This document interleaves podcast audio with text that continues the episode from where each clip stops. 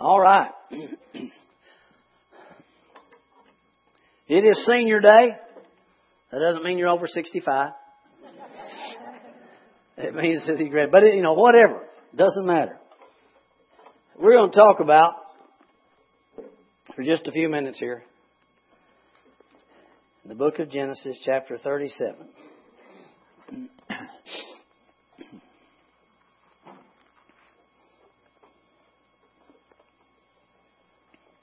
We are using the New Living Translation of the Bible. Uh, we'll maybe bounce back and forth in some, but uh, really just going to talk about some things. We're using this example of Joseph. And uh, most of you have heard of Joseph and this coat of many colors. Uh, that's maybe sometimes that's about all people know about him. But Joseph was living in a time when Joseph lived under the same covenant that you and I live in, okay, before we got Jesus. All right, there, there, the, the, the covenants were the covenant of grace or the Abrahamic covenant. Then there was the covenant of law. And then Jesus came, and when Jesus came and offered his life, we went back under the covenant of grace, which we never really left and it's made of a better promises even than that original one was. But Joseph lived under a covenant where he didn't have any law. There was a thou shalt, there was no thou shalt nots when Joseph lived. Right? Think about it. It didn't come in until Exodus 15. When, when the, when the children of Israel said, God, you tell us every law you got and we can live by it. You know what God had just said to them before that? He said, look, I brought you out of the land of Egypt and I blessed you. Just live by what I told you to do and follow me. That's what he told them there in Exodus. And they said, no, we are well able to keep the law. Give us the law. So he gave them a perfect, pristine law on the mountain. And before Moses got down with them, they'd already broke two of them. That's why the New Testament says that God never gave the law for men to live by. He gave the law for men to see that they couldn't live by it. The law that you and I live in, the covenant that the Word of God says in the book of Hebrews, this is the covenant that I'll make with them after those days, says the law, the Lord. I will write my laws on their hearts and on their minds. I'll be their God, they'll be my people, and their sins and their lawless deeds I'll remember no more. That's what I call grace, people. Amen. Well, Joseph lived under this without a Savior because Jesus hadn't come. He simply lived by this covenant of grace, the Abrahamic covenant. What was that? About all Abraham knew was do what God said and get blessed. All right? Well, Joseph was this young man, and if you look here in the 37th chapter, so Jacob settled again in the land of Canaan where his father had lived as a foreigner. This is the account of Jacob and his family. When Joseph was 17 years old, he often tended to his father's flocks. He worked for his half brothers, the sons of his father's wives, Bilhah, Zilpah. But Joseph reported to his father some of the bad things his brothers were doing. Okay, now we're not spend a lot of time because this story is, is this entire uh, from, from here all the way through the 50th chapter of, of God blessing this young man. But we're going to talk about a 17 year old boy just about graduating from high school and ready to go out on his own. All right, or girl go out on their own, maybe go to college on the next, whatever it is. This is where it starts. This is about the age. This is this is it. And this young man at 17 years old, he watched his father's flocks, but the Bible says here that he worked for his half brothers. Now, we know the account. If you take the time to read all these stuff, you'll find out that his father loved him uh, more than all the rest of them. How tacky. That's just the way it was. He loved this boy more than the rest of them. And uh, he was somewhat spoiled, I'm sure. Some of you know what that is. Amen. He was somewhat that way.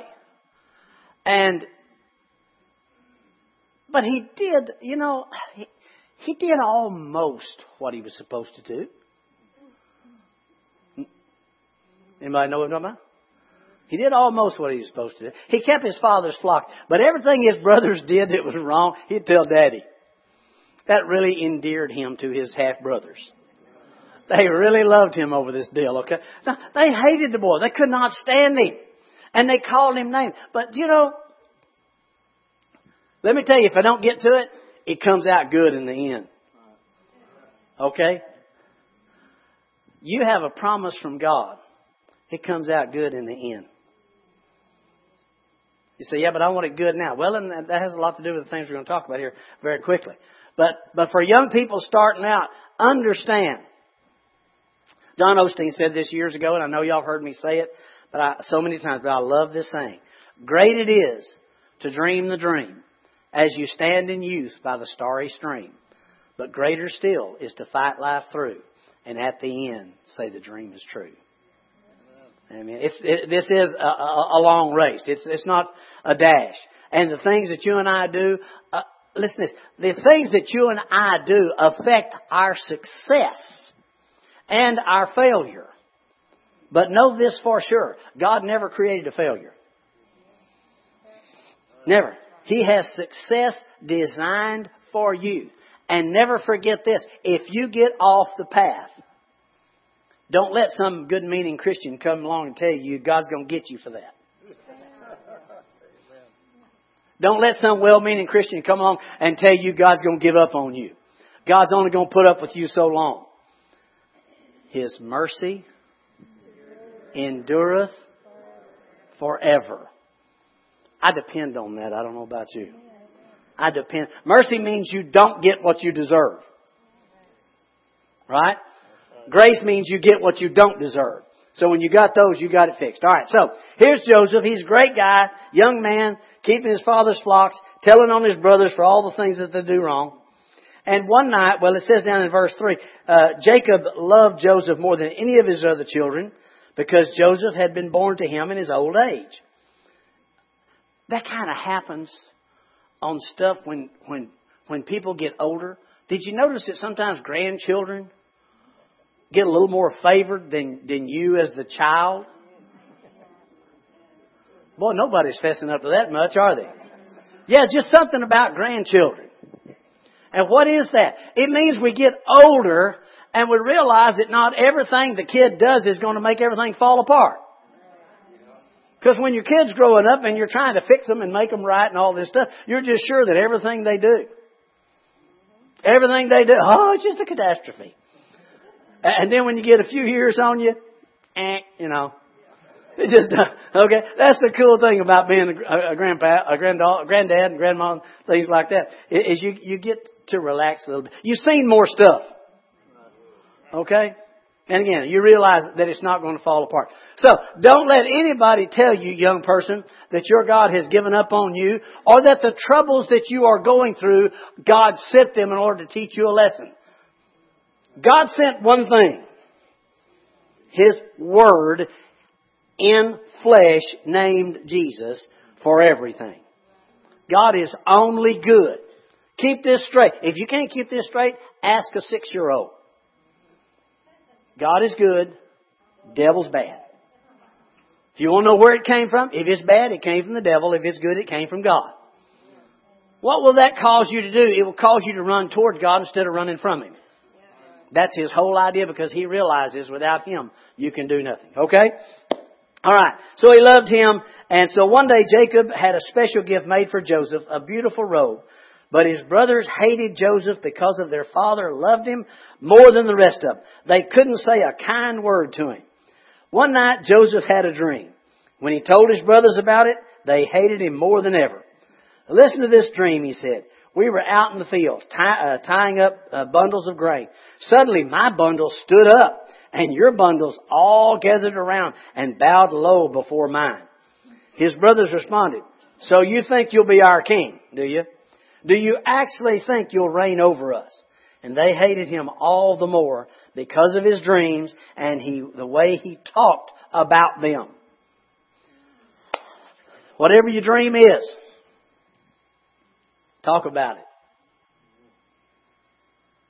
So, well, people going to get upset? Yeah, I know. But you know, people going to get upset with you even if you don't. You know, I tell people all the time when they say, well, what will they think about me? Oh, I usually say they probably not. People got other stuff to think about than you. You're probably not the biggest thing on other people's minds. Come on now. Joseph just simply taught. He had this dream and he just told them about it. Now again, I understand what it was. You know what it was. And in the context of the Bible, we're looking at, but look, everybody out there's got dreams. God puts dreams in people's hearts. And He put this dream in this young man's heart. Now here's the deal. We, we always get, well, yes, but he shouldn't have told it to everybody. Well, I understand that. He might have been better off not telling it to everybody. But you know, sometimes you have to talk about your dream to keep it up here. You don't want your dream fading away. And it, certainly it would be better to talk your dream about people who agree with you. You know, when you're going to talk to people about what you believe in God for, what God told you, talk to people who are, are, who are on that same line. Don't talk to those people that just not really sure whether they like you or not. Amen. So talk your dream. That's fine. Tell them what you're going to do. Tell them what God's put in your heart. That's all Joseph did. He just he just happened to say, "Y'all going to bow down to me. I'm going to be over y'all." And so they they already hated him anyway.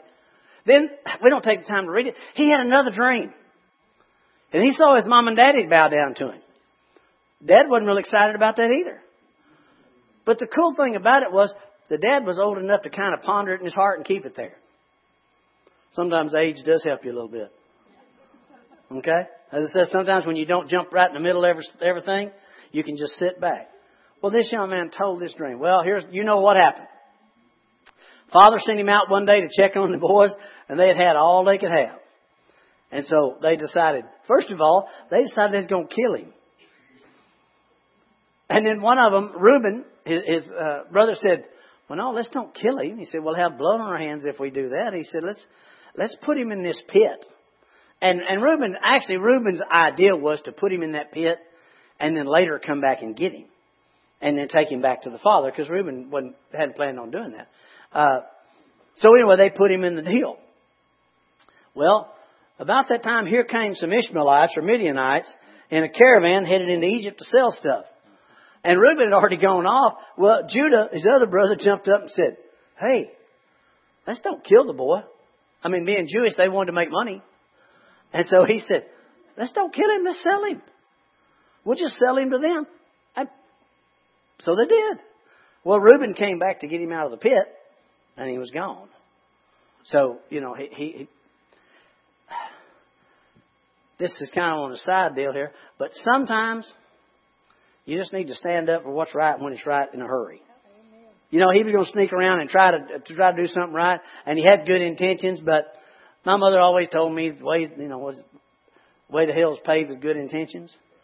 You know, but anyway, that's just whatever. But here's what took place. They sold the boy. All right. So they didn't have to kill him. And and here's the scripture that I want you to see. You got to understand, this kid is standing around 17 years old.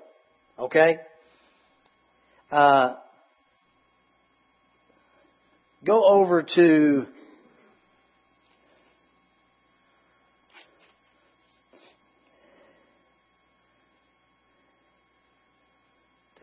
go to the 39th chapter.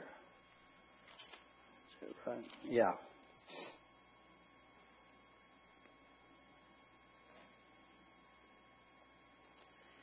39th chapter, first verse.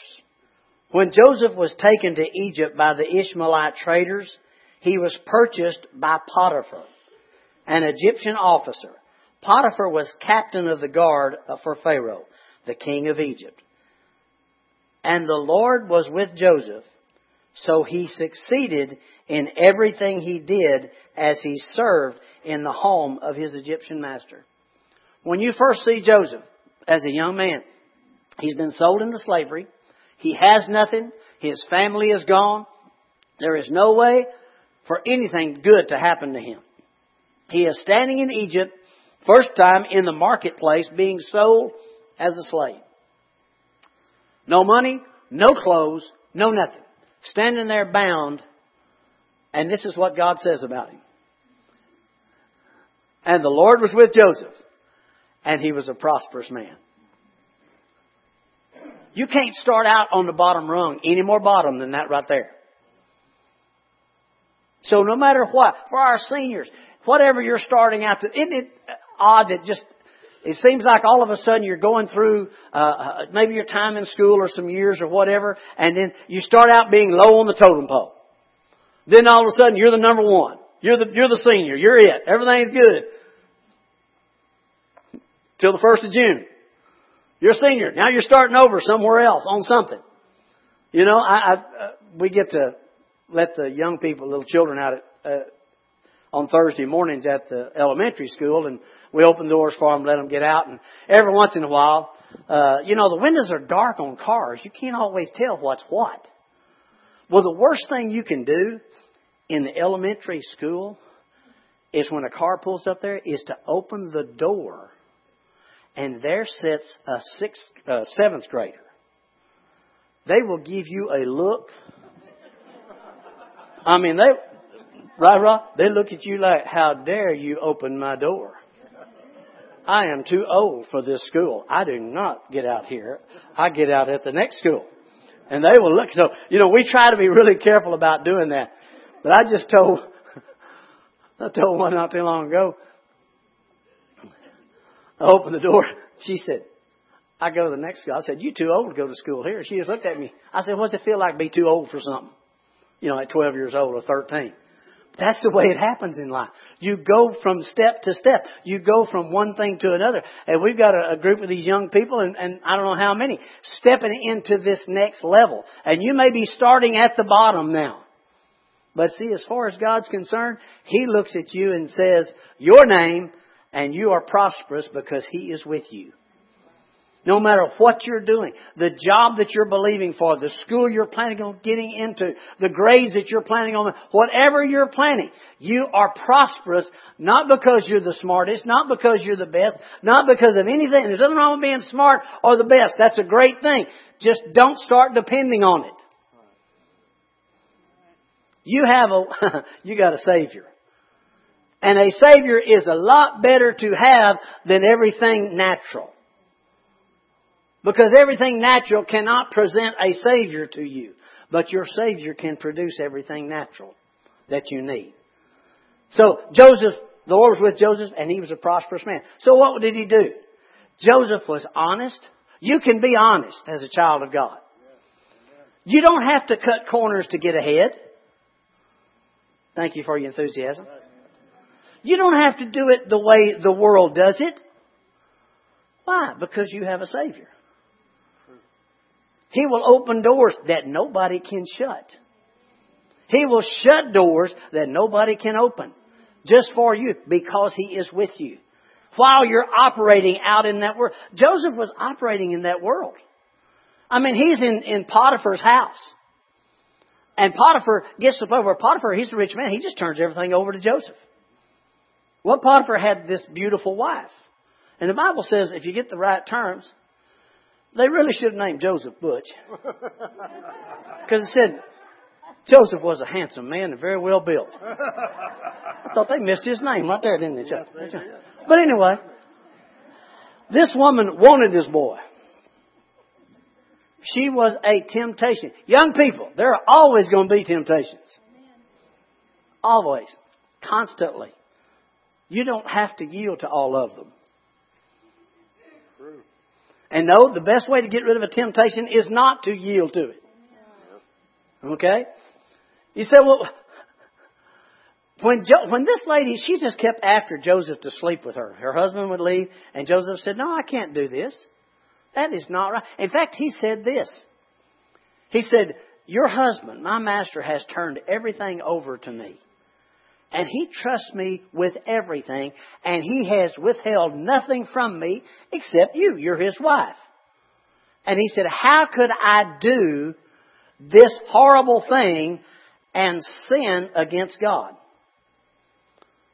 There was no law then that said, Thou shalt not covet. Come on now. There was no, this is before Exodus. This is before Moses on the mountain and God saying, thou shalt have, you know, Cecil B. DeMille deal. Uh, Ten Commandments movie, okay? There was no law except what this boy had in his heart. And he knew that was wrong. Follow your heart. Follow your heart. You have been, the old word is endued with power from on high. In other words, Christ in you is the hope of glory. You can trust your spirit man. You can trust when this guy here says, no, we're not doing that. That's not who we are. And then one thing about, it got him in trouble, but the Bible said Joseph ran. The Bible says, flee also youthful lust. There's nothing wrong with running away from it. Well, I can handle it. No, don't even worry. Don't, don't even, why do you want to? Why do you want to? Just run from it.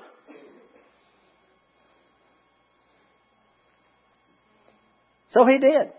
Well, he didn't get away with his clothes. She grabbed his clothes and pulled them off of him. And of course, there, you know, here she says, "See what he tried to do to me? I got his clothes." So they threw the boy in prison.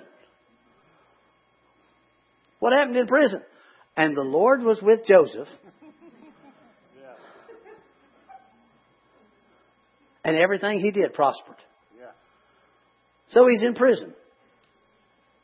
In prison, he meets the king or Pharaoh had gotten mad at the what was it, the baker and the uh, the wine taster or his cupbearer. He got mad at him, so he threw them both in prison. Well, during that time, they both had dreams. And one of them had a dream about uh, how this is going to take place and uh, basket and the birds eating and all of this. And so uh, Joseph told the one guy, he said, "Oh, this is what your dream means." He said, uh, uh, in three days, Pharaoh is going to put you back in your position. And, and you're going to be at his disposal again. You're going to be in the back. And he said, all right. Well, the other guy had basically the same dream, and he liked that. So he said, hey, Joseph, tell me my dream. And Joseph said, well, okay. But he said, like in three days, the, the king's going to take your head off, and he's going to put you on a pole out in the courtyard. well, in three days, it happened.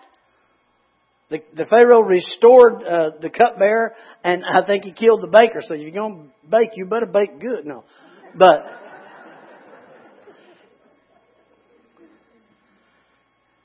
Joseph told the, the cupbearer, I think it was, he said, "Look, when you talk to Pharaoh, remember me." He said, "I hadn't done anything wrong. I, I'm, I'm put in here for I've done. I'm innocent. You know. Well, for two years." The cupbearer forgot about that. But in that two years, Joseph ran the prison. How many of you worked a job that felt like that? Didn't want to be there, but bless God, you're working it because you're providing for your family. Just one of those deals. All right? So for two years, they forgot about that. Then the king had this dream. And y'all know what the, I know you've heard about the dream. He had a dream of, of sevens and that type thing. And what it was was a great famine was about to, to take over the land and, and, and just destroy everything. And it was going to be all eaten up. And so they called Joseph. About that time, that guy said, "Oh, oh, I remember." After two years, he remembers. There's this guy that in the in the prison that told us what our dreams meant, and so they called him out, got him out, said he shaved and cleaned him up, put him before Pharaoh, and they asked him, "You determine? Do you uh, interpret dreams. He said, No, interpretation of dreams comes from God. But God will tell you. You don't have to take the glory for anything. And the cool thing about not taking the glory is you don't have to take the blame. Just give all the credit to God. You know, darling and I were talking not long ago. We were looking at the Old Testament. All, uh, even before the law came in and even after the law came in people, people just didn't live right. I mean, come on. They were doing everything that you could imagine and some of the stuff you can't. But as you read the, the, as you read the accounts of these people, the one thing that God would end up turning his back on, letting them be destroyed, the one thing it wasn't the lying and the cheating and the stealing and the running around and all that other junk. It was turning their back on God. Declaring something else, some other God instead of Him. Why is that? Because the semblance is of this very fact. For God so loved the world that He gave His only begotten Son. God loves people. He doesn't want anybody to have any other God besides Him.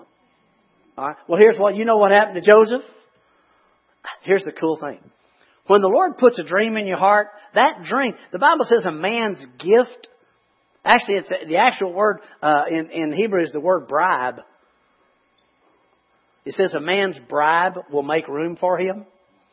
And, and but in, in that, see, we've turned that into something bad and, and it didn't mean it back then. The word bribe was a good word. It meant that money that was given as, as a token, and, and so it got, you know, with man's twisted thinking, the word bribe got turned into, well, he, he bribed him, he gave him that so he would do that. But back then, the bribe meant he gave it to him because he did that.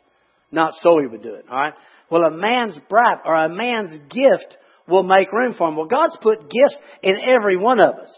And it will make room for you. You don't have to make room for yourself. Well, if I don't do it, nobody will. I don't want to live that way anymore. I want Jesus doing it all. He said, Come unto me, all you that labor and heavy laden, and I'll give you rest. He said, Take my yoke upon you. Watch how I do it. Right? So when, when, when this took place, Joseph standing there before the king, he said, I don't do dreams, but God does. He interpreted his dream. And in that dream of saving all of Egypt and the whole area, God put that dream in his heart so he could say this. He said, Now, you need to appoint somebody over all this. To handle all this, to gather all this grain in all these seven years of abundance, you need to appoint somebody. Well, Pharaoh being smart enough to be Pharaoh, he said, does anybody know anybody that's better qualified than this guy right here to do what we've been told? And there wasn't anybody. So, from all of his struggles, from 17 years old to, I think at this place somebody told me they figured out he was about 32 years old. So for about 15 years, he had been in and out of prison, in and out of this and out of this, okay? From right there, and, and some people like to say an hour before that, he was just in prison. And one hour later, he was the number two man in Egypt. When all of this culminated, when all this came about and finished up, and, and we don't have time this morning to talk about his brothers, he saved his brothers' lives, his family, because of the position God put him in. Okay? Let me, let me just boil it down so I can quit or stop. Uh, Egypt, God blessed Egypt with all the grain, with all the wealth. Through Joseph and, and his people, as the famine got worse for all those years, they ended up buying up everybody's property. They got the whole thing. They owned it all. All that wealth was there. And I've heard people say, and I even preached it many years ago that God had to let Joseph go through all that to get him to that place because that's where the wealth was, that's where the situation was. I have since repented and I understand that wasn't what happened. Joseph wasn't sent there because the wealth was there. The wealth got there because Joseph was there. God's going to put it where you are. Now, certainly, He will maneuver situations and get you into, but never feel like, well, you know, if I could just get out of this one little place I'm in, then God could bless me. No, He'll bring it to you. Wherever you are, whatever your dream is, stay with that dream. Do not give that dream up. Because, ah, goodness. Where, where is there a better place to be than the center of God's will? The thing about Joseph is you don't look for 10, 15 chapters and find him griping and complaining all the way through. There's stuff that's not going to go your way. Somebody give me a witness. This stuff is not going to happen as quickly as you thought it would. I heard someone say, you know, they were starting, they were working guy. He said, I'm starting on my fourth million. I missed the first three, so I'm starting on the fourth one. There are going to be things that you miss. Do not let it stop you. Just keep the dream. When, when, when Joseph's brothers were standing before him and they were so ashamed and everything else because they had sold him and lied. I mean, they even, his daddy thought he was dead. They told him he was dead. And that's, an, that's another story because Joseph sent a whole bunch of stuff back with his brothers to go get mom, to get dad and all of them and bring them to Egypt because that's where all the stuff was. They kept and they said, "Come on, Joseph is in charge of it. Joseph's in charge of this all." He said, "No, I don't believe that. He's dead." All these years he lived with him dead. And the Bible says, and they pulled back the curtain on the tent. And they showed him the wagons full of things that Joseph had sent. And because of that, Jacob believed. Is there a story in that or what? How does God want to show you He's alive? He'll give it to you. Whatever it is. What that dream come true, He'll show it to you right there. I mean, just they just pulled back the curtain. He said, "Oh, now I know my son's alive." Ain't that amazing? That's what your dream is about. He told his brothers this. They were again. They were saying how sorry they were. You know, they, you know, he had right to kill them if he wanted to. And he said this. He said, "Don't fret over this. Don't worry about this, because he said, what you meant for evil, God meant for good." Okay. well, if you look that word up, that word meant there is the word to weave. To weave. And what he said was, what you wove for evil, my God wove for good. It doesn't matter if you don't get the promotion that you deserve. It doesn't matter if the boss's son or whatever, or daughter or whatever gets put in that position. It does not matter because you have a Savior and what people meant to weave for evil, God will weave that for good. In those situations, you can use Romans 8 and 28. For all things work together for the good to them that love the Lord, to them who are the called according to his purpose. He's not talking about catastrophe and calamity. He's talking about everything in your life. God will weave it for you to bless you and increase you. Do not give up on your dream. Do not think I have done things wrong. Sometimes the only way you end up doing it right is you ran out of ways to do it wrong. Just keep on going, right? No matter what takes place, don't quit because your God will not quit. This, I mean, after all these years, he finally got this young man in the place that he wanted to be. And he saved people's lives. When Joseph brought his family to live with him, he told them, he said, go get dad, go get everything, bring everything we got, all, every bit of that, and bring them here. And he said, here's what I'm going to do. Y'all live in the land of Goshen. The land of Goshen was later the land where the Israelites were put as slaves. But the land, the word Goshen means to draw near. Joseph said to them, I'm going to bring you and put you in Goshen so I can take care of you. This is what God says to us. I want to draw you near so I can take care of you. That's why we run to Him, not from Him.